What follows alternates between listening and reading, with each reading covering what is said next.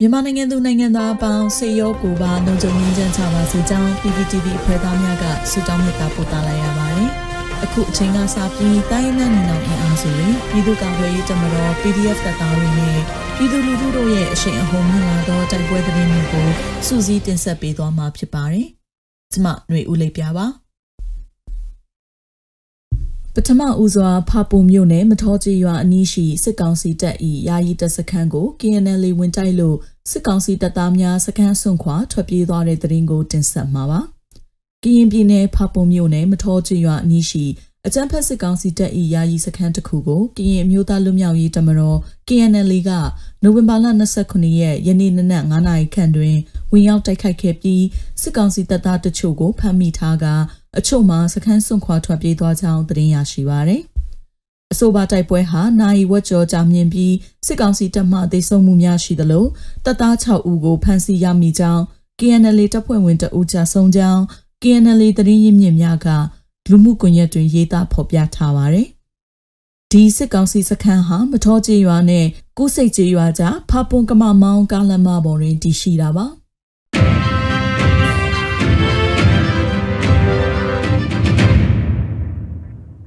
ဆက်လက်ပြီးမတူပီဟာခါလန်ထွေအုပ်ရုံတွင်တပ်ဆွဲထားသောစစ်ကောင်စီတပ်ဖွဲ့အား CDF မတူပီဝင်တိုက်လို့စစ်သား2ဦးသေဆုံး4ဦးဒဏ်ရာပြင်းထန်တဲ့သတင်းတင်ဆက်ပါမယ်။ချင်းပြည်နယ်မတူပီဟာခါလန်မှာပေါ်ရှိဖနိုင်နှင့်ငလိုင်းရွာကြားတွင်အသစ်ဆောက်ထားသောခရိုင်ထွေအုပ်ရုံတွင်တပ်ဆွဲထားသည့်အကြမ်းဖက်စစ်ကောင်စီတပ်ဖွဲ့ကိုနိုဝင်ဘာလ29ရက်နနက်6နာရီခွဲ၌ Chinland Defense Force မတူပီက ဝင်ရောက်ပစ်ခတ်တိုက်ခိုက်ခဲ့ပြီးစစ်ကောင်စီတပ်သား2ဦးသေဆုံးက၄ဦးဒဏ်ရာရကြောင်းချင်းဒေသကာကွယ်ရေးတပ်ဖွဲ့မတူပီကသတင်းထုတ်ပြန်ပါတယ်။စက်တင်ဘာလလကုန်ပိုင်းတွင်အကြမ်းဖက်စစ်ကောင်စီတပ်ကဖနိုင်းနှင့်ငလိုင်ကျေးရွာအတွင်းသို့လက်နက်ကြီးလက်နက်ငယ်များရန်တမ်းပစ်ခတ်မှုကြောင့်အများပြည်သူနေအိမ်အချို့ပျက်စီးပြီးရွာလုံးကျွထွက်ပြေးတိမ်းရှောင်နေကြရကြောင်း CDF မတူပီထုတ်ပြန်ချက်တွင်ရေးသားဖော်ပြထားတာပါ။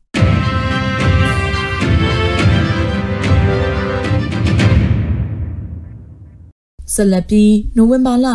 25-26ရက်စကိုင်းတိုင်းတိုက်ပွဲသတင်းအချင်းချုပ်ကိုတင်ဆက်ပေးမှာပါ။နိုဝင်ဘာလ25ရက်နေ့ကမြောင်မြို့နယ်တွင် မဟာမိတ်၅ဘွဲပူပေါင်းပြီးစစ်ကောင်စီတပ်များကိုမိုင်းခွဲရာစစ်သား9ဦးထပ်မံထိခိုက်ဒေဆုံးခဲ့ပါတယ်။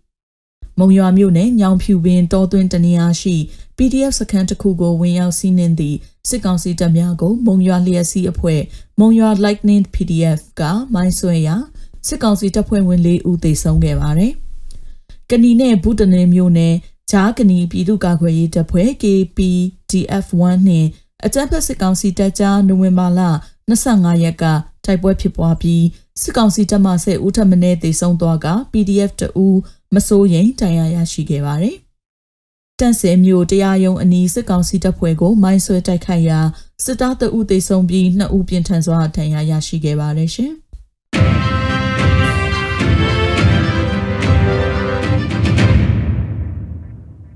နောက်ဆုံးအနေနဲ့အမျိုးသားညီညွတ်ရေးအစိုးရပြည်ထရေးနဲ့လူဝင်မှုကြီးကြပ်ရေးဝန်ကြီးဌာနကနိုဝင်ဘာလ29ရက်ရက်စွဲနဲ့ထုတ်ပြန်တဲ့ပြည်သူ့ခုခံတော်လှန်စစ်တရင်အချက်လက်တွေကိုတင်ဆက်ပေးသွားမှာပါ။အာနာသိန်းအကြံဖက်စစ်အုပ်စု၏ပြည်သူလူထုအပေါ်အကြံဖက်ဖိနှိပ်ဖန်ဆီးတိုက်ခိုက်တပ်ဖြတ်နေမှုများကိုပြည်သူလူထုတရက်လုံးက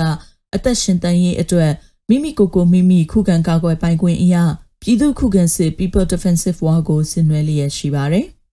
သတင်းချက်လက်များအရ26ရက်17လ2021ရက်နေ့တွင်စစ်ကောင်စီတပ်ဖွဲ့ဝင်88ဦးသေဆုံးပြီးထိခိုက်ဒဏ်ရာရရှိသူ34ဦးအထိခုခံတိုက်ခိုက်နိုင်ခဲ့ပါတယ်။စစ်အာဏာရှင်စနစ်မြမမြေပေါ်မှအပြည့်တိုင်ချုပ်ငြိမ်းရေးနဲ့ Federal Democracy တည်ဆောက်ရေးအတွက်ငြိမ်းချမ်းစွာဆန္ဒပြသည့်လူထုတပိတ်တိုက်ပွဲများကပြည်내နဲ့တိုင်းဒေသကြီးများမှာဖြစ်ပွားပေါ်ပေါက်လျက်ရှိပါတယ်။မြေပြင်မှာယခုတွေ့ရတဲ့သတင်းအချက်အလက်များထက်ပို၍ဖြစ်ပွားနိုင်ပါတယ်ရှင်။